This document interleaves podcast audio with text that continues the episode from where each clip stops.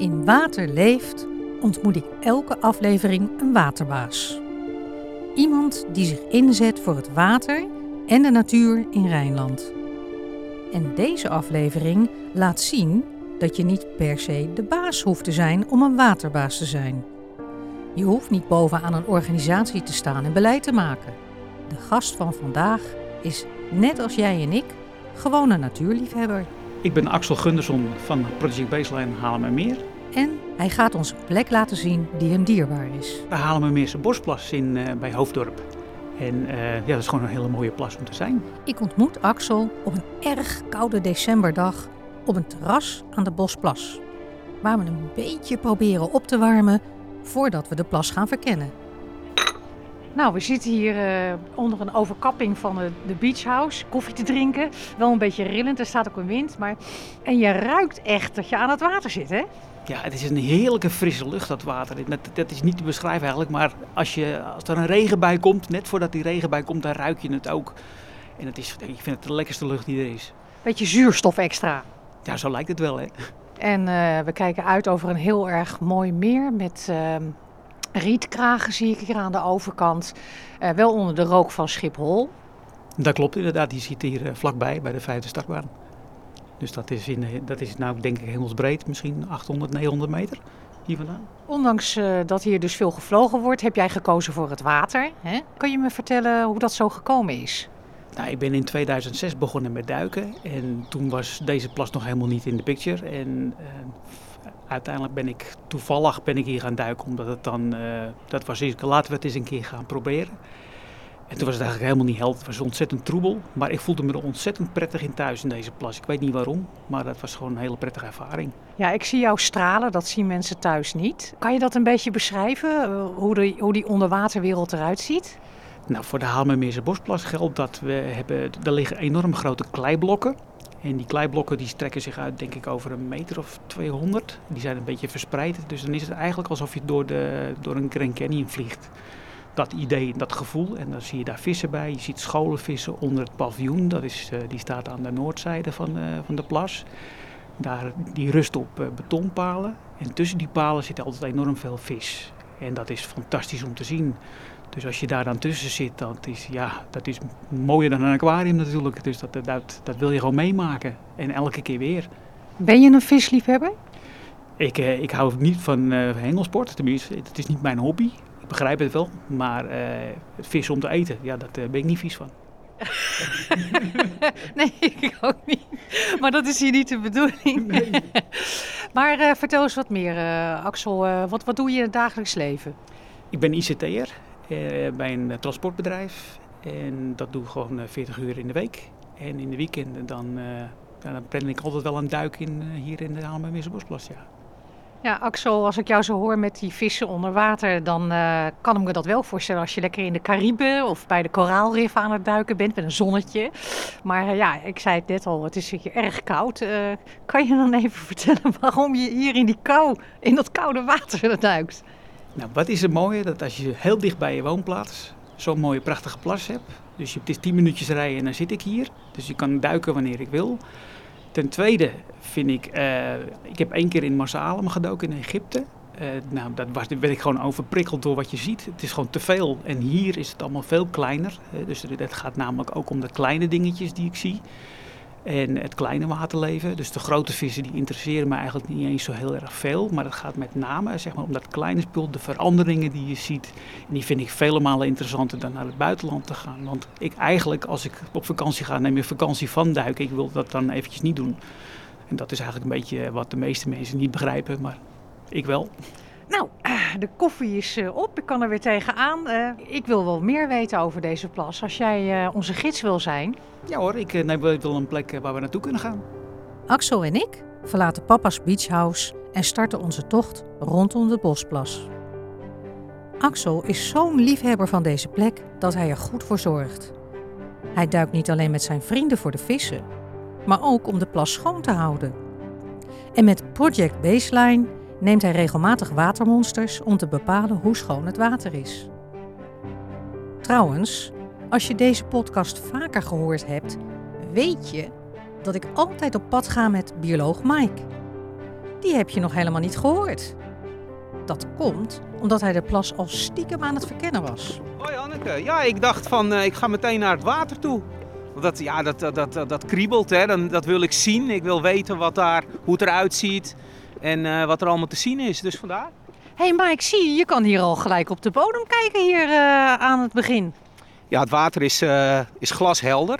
Ik denk echt wel uh, ja, een doorzicht, hè, zoals we dat dan noemen, van toch wel, ik denk wel enkele meters hoor. En, uh, ja, en verder, het is, ja, we staan hier aan de rand van het Haarlemmermeerse Bosplas. Een, een zandwindplas in een, ja, in een mo mooie omgeving aan de rand van Hoofddorp. Een voormalig Floriade-terrein ook voor een deel. En um, ja, het is een diepe plas. En ja, va vaak zijn diepe plassen vrij kaal, zeg maar. En dan zijn die oeverranden heel erg belangrijk voor de natuur en voor de ecologie. En als ik zo even 1, 2, 3 zo kijk, ja, ziet dat er toch allemaal best wel heel erg aardig en heel natuurlijk uit. Vrij mooie, brede rietkragen, open structuur. Dus dat betekent dat ja, allerlei beestjes uh, daar, daartussen kunnen schuilen en leven en hun, gebied vinden. En uh, ja, hier ook bijvoorbeeld een heel, heel, heel stuk met, uh, met kleine listdorden. Ja, een van mijn favoriete waterplanten moet ik zeggen. Echt een prachtige plant om te zien. Ook met zo'n mooie structuur. Ja, en dan zwarte elzen, direct aan het water. Die bomen, echt van die moerasbomen. Nou, Axel, die kan je in je zak steken. Hè? helder water. allemaal door dat plastic ruimen. Nou, de, de, de, helderheid wordt niet bepaald door het plastic wat we ruimen. Dat is, dat is misvatting. Maar dat het vuil eruit moet, dat, is, dat staat buiten kijf. Dat moet er gewoon uit. Dat is uh, niet natuurlijk. Dus alles wat niet natuurlijk is, moet verwijderd worden eigenlijk. Kan je zeggen hoe dit allemaal uh, begonnen is? Nou, het is eigenlijk begonnen uit pure interesse. Ik heb eigenlijk al, al een biologische interesse, tenminste in, interesse in biologie, dat sowieso. En als je dan gaat duiken, dan zie je dingen. En ik ben dan zo nieuwsgierig dat ik wil weten wat ik zie. Een ander die zou het misschien niet kunnen schelen. Maar ik heb dan echt iets van, oké, dat wil ik uitzoeken. Dat wil ik weten. En dan ja, wordt de honger naar meer, om meer te weten, wordt steeds groter. En dan zie je ook steeds meer. Want je leert met het duiken kun je naar visjes kijken en dat is het dan. Maar als je wat verder gaat kijken, dan zie je steeds meer dat je denkt van dat is bijzonder. Dat wil ik uitzoeken. Je ziet veranderingen. En die veranderingen maken het uh, zo dat je denkt van ja, waar, waardoor komen die veranderingen dan? Ja, en dan uiteindelijk is de sky the limit. Dan uh, wil je steeds meer weten. Maar goed, jij werd geconfronteerd tijdens je verkenningstochten onder water met afval. En uh, ja, je hebt toen een besluit genomen, hè, eigenlijk om dat ook te gaan opruimen. Hoe heeft zich dat verder ontwikkeld? We waren met een groepje duikers van uh, Global Underwater Explorers. Dat was eigenlijk een, een vaste groep. En uh, we zagen dat eigenlijk allemaal wel. En toen hebben we gewoon op een avond besloten, jongens, we gaan, uh, we gaan even actie ondernemen. Dus toen hebben we zo onaangekondigd met een groepje van 15 man zijn we gaan duiken. Met, uh, en we hebben dan netten met ons mee. En uh, daarbij hebben we eigenlijk een verbazingwekkende hoeveelheid rotzooi omhoog gehaald. Ja, toen dachten we van, dat is nog lang niet klaar. Er moet meer gebeuren. En uh, ja, toen kwam het idee om dus gewoon wat regelmatiger te gaan schoonmaken. En dat dan ook te organiseren waarbij anderen ook konden meehelpen. En wat halen jullie nou zo al naar boven met die schoonmaaknetten? Uh, voornamelijk uh, plastic zakken, bierflesjes, blikjes, soms ook wel eens een parasol die naar boven komt. we hebben ooit eens een radiator van een auto naar boven gehaald. Die lag hier ook ergens midden in de plas. Je kan het zo gek niet verzinnen of het ligt er. Wat, wat is nou, ja, om het zomaar te noemen, het meest bijzondere of het meest aparte wat je hebt gevonden? Nou, het meest aparte wat we gevonden hebben in 2018 hebben we een, een deel van de motorkap gevonden zeg maar, van een vliegtuig wat hier ooit is neergestort. En uh, die hebben we uiteindelijk naar boven gehaald. En we zijn erachter gekomen dat het van dat vliegtuigje inderdaad ook was. Uh, op de foto's was ook te zien dat hij uiteindelijk miste. Want ze hebben hem, uh, daar zijn er ook foto's van gemaakt op het moment dat hij dus gelicht is uit de, uit de Bosplas. En uh, ja, via via zijn we uiteindelijk in contact gekomen met uh, de nabestaanden van uh, de overleden fotograaf die erin zat. En daar hebben we uiteindelijk een monument van gemaakt. En ik zie dat je wat hebt meegebracht uit de plas, Axel. Wat, wat heb je meegenomen? Ik heb wat meegenomen. Het is een, een planktonmonstertje. En in het planktonmonstertje, dat ziet er een beetje, ja, het, het is vrij transparant zoals je kan zien. Er zit een wat bruine aanslag onderin. Ja. Die bruine aanslag, dat zijn kiezelwieren. Die uh, zakken altijd weg naar de bodem. En het zwevende vuil wat je eigenlijk ziet, of tenminste het lijkt vuil, dat zijn eigenlijk blauwalgen. Dus eh, die zitten in het potje. Die heb ik eh, afgelopen zondag heb ik die, eh, zeg maar eruit gehaald. En zo eh, analyseer ik zeg maar een beetje welke soorten erin zitten. Ik, de soortenkennis heb ik niet helemaal, maar ik, kan- ik maak er sowieso foto's van. Zodat ik altijd weer later kan terugkijken van wat erin heeft gezeten en of dat weer terugkomt. Oké, nou interessant zeg. Nou, laten we dan van, eh, van die microscopisch kleine kiezelwiertjes eens naar meervallen gaan, die, die aanzienlijk groter zijn. Want die hebben jullie ook wel aangetroffen hier, heb ik begrepen. Ja, dat klopt. Er zaten hier ooit eh, drie meervallen. Ooit is, er ook een, witte meerval is er, eh, is er ooit eh, gezien. Ehm, de laatste keer, vorige week heb ik nog een, een kleiner exemplaar gezien. En die was ongeveer, pak een beetje. het is een beetje moeilijk de grootte in te schatten. Omdat als je een duikmasker op hebt, dan lijkt alles ja, toch een stukje groter. Dus eh, daarom, zijn die over, daarom zijn duikersverhalen af en toe behoorlijk overdreven. Maar eh, ik denk dat hij toch wel een metertje was ongeveer. Dus dat, eh, en als je vissen spreekt langs de plas die hangen, ja, die vangen ook wel eens met regelmaat een meerval.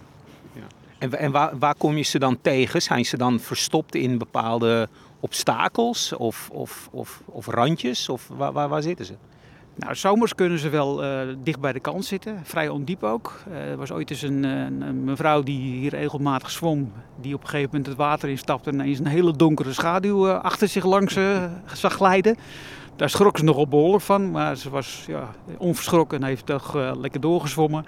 En, dus ze kunnen bij de kant zitten inderdaad, waar ze gewoon gaan rusten. Maar over het algemeen zitten ze allemaal in de diepe put, waar het ongeveer ja, waar het 20 meter diep is. Hé hey Axel, daar staat een, eh, een beetje, het lijkt wel een tankstation uit de jaren 50, een wit gebouwtje. Wat is dat? Nou, dat witte gebouwtje is eigenlijk gebouwd puur voor de Floriade. Die in, meen in 2001 is eh, georganiseerd door de, door de. En eh, dat is eigenlijk een, ja, een mooi erfstukje van die tijd. Oké, en wat staat daar nou naast voor gebouw?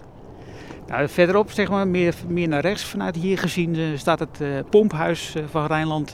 waarin de compressoren staan voor het beluchtingssysteem. Zullen we daar eens naartoe gaan? Ja, is goed plan. Ik weet de weg wel. Ik volg je. Oké. We lopen door naar de luchtmenginstallatie, zoals hij wordt genoemd. Veel plassen in Rijnland hebben zo'n installatie om het water schoon te houden, zodat mensen er bijvoorbeeld in de zomer goed in kunnen zwemmen. Axel vertelt ons dat deze installatie een jaar geleden nog helemaal vernield is. Het is nog best een stuk lopen, want de bosplas is aardig groot. Het is een plas in de vorm van een acht. Op het moment dat we in de buurt van de installatie komen, zien we ineens iemand uit het gebouw komen. Nou, we lopen hier eh, op weg naar, het, eh, naar de menginstallatie. Luchtmenginstallatie. Luchtmenginstallatie, Ja, ja, ja. het compressor. Hey. Hey. Dag.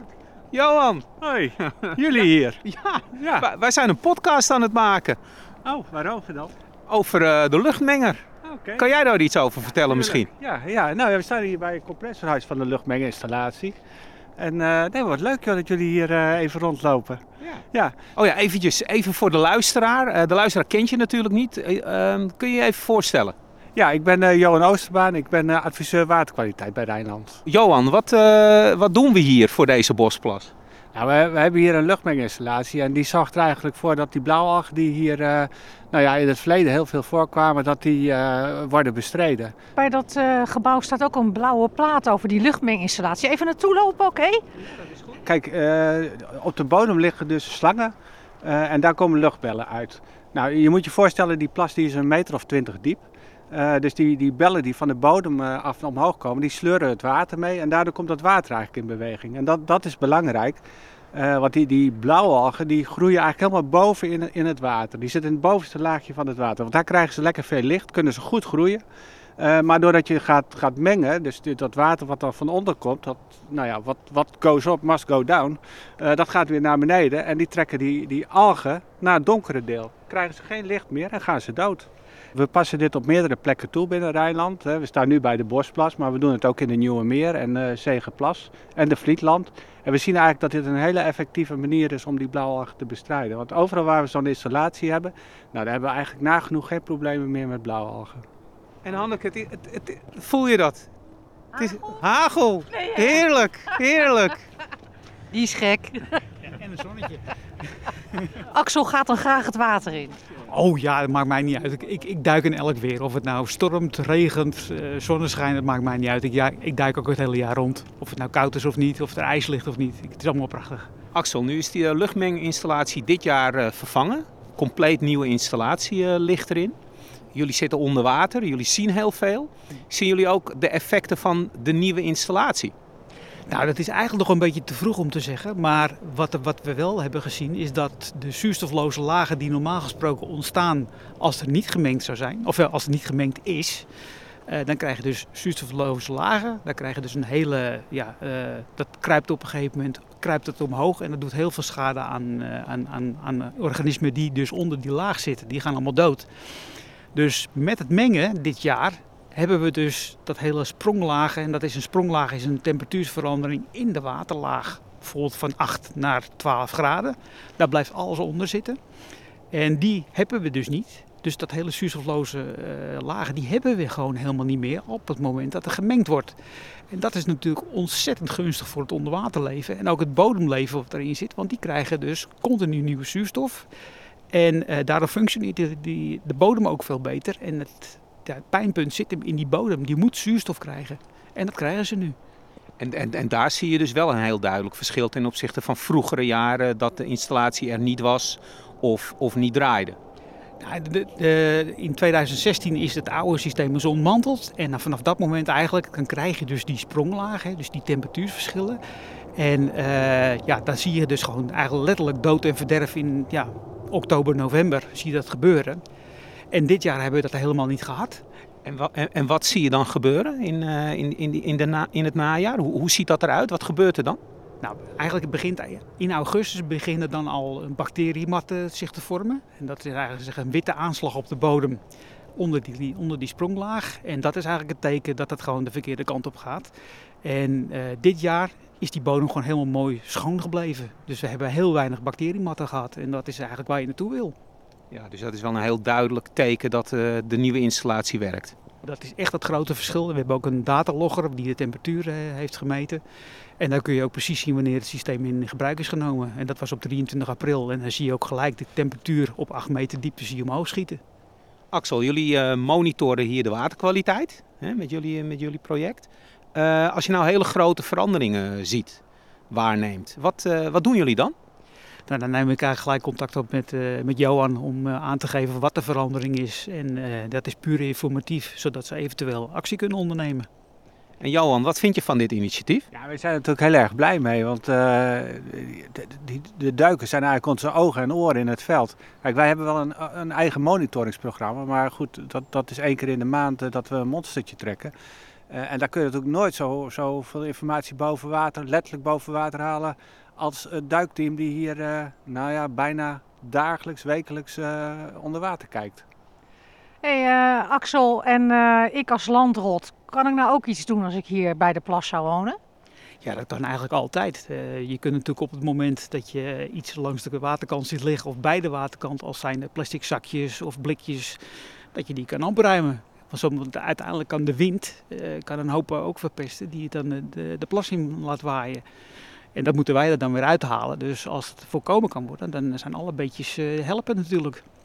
Ja, en dan die vreemde vondsten die jullie eruit halen, zo'n zo'n autoradiator. Hebben jullie al eens een uh, Juttersmuseum overwogen? Ja, ik zou, ik zou begon niet weten waar ik dat kwijt moet. Dus uh, dat ligt dan, uh, dan moet ik een behoorlijke garage hebben om dat kwijt te kunnen. Nou, in dat paviljoen van de Floriade? Ik denk niet dat de gemeente daar zo blij mee is als we dat helemaal volgooien met het spul wat hier uit de plas is gekomen. Dat, uh, dat doen we niet. Was er al heel veel? En het stinkt ook enorm. Stinken? Ja, er zitten allerlei mosseltjes op en die gaan op een gegeven moment dood. Dus ja, alles wat dood gaat, gaat stinken. Joh. Ja, dat is echt heel smerig hoor.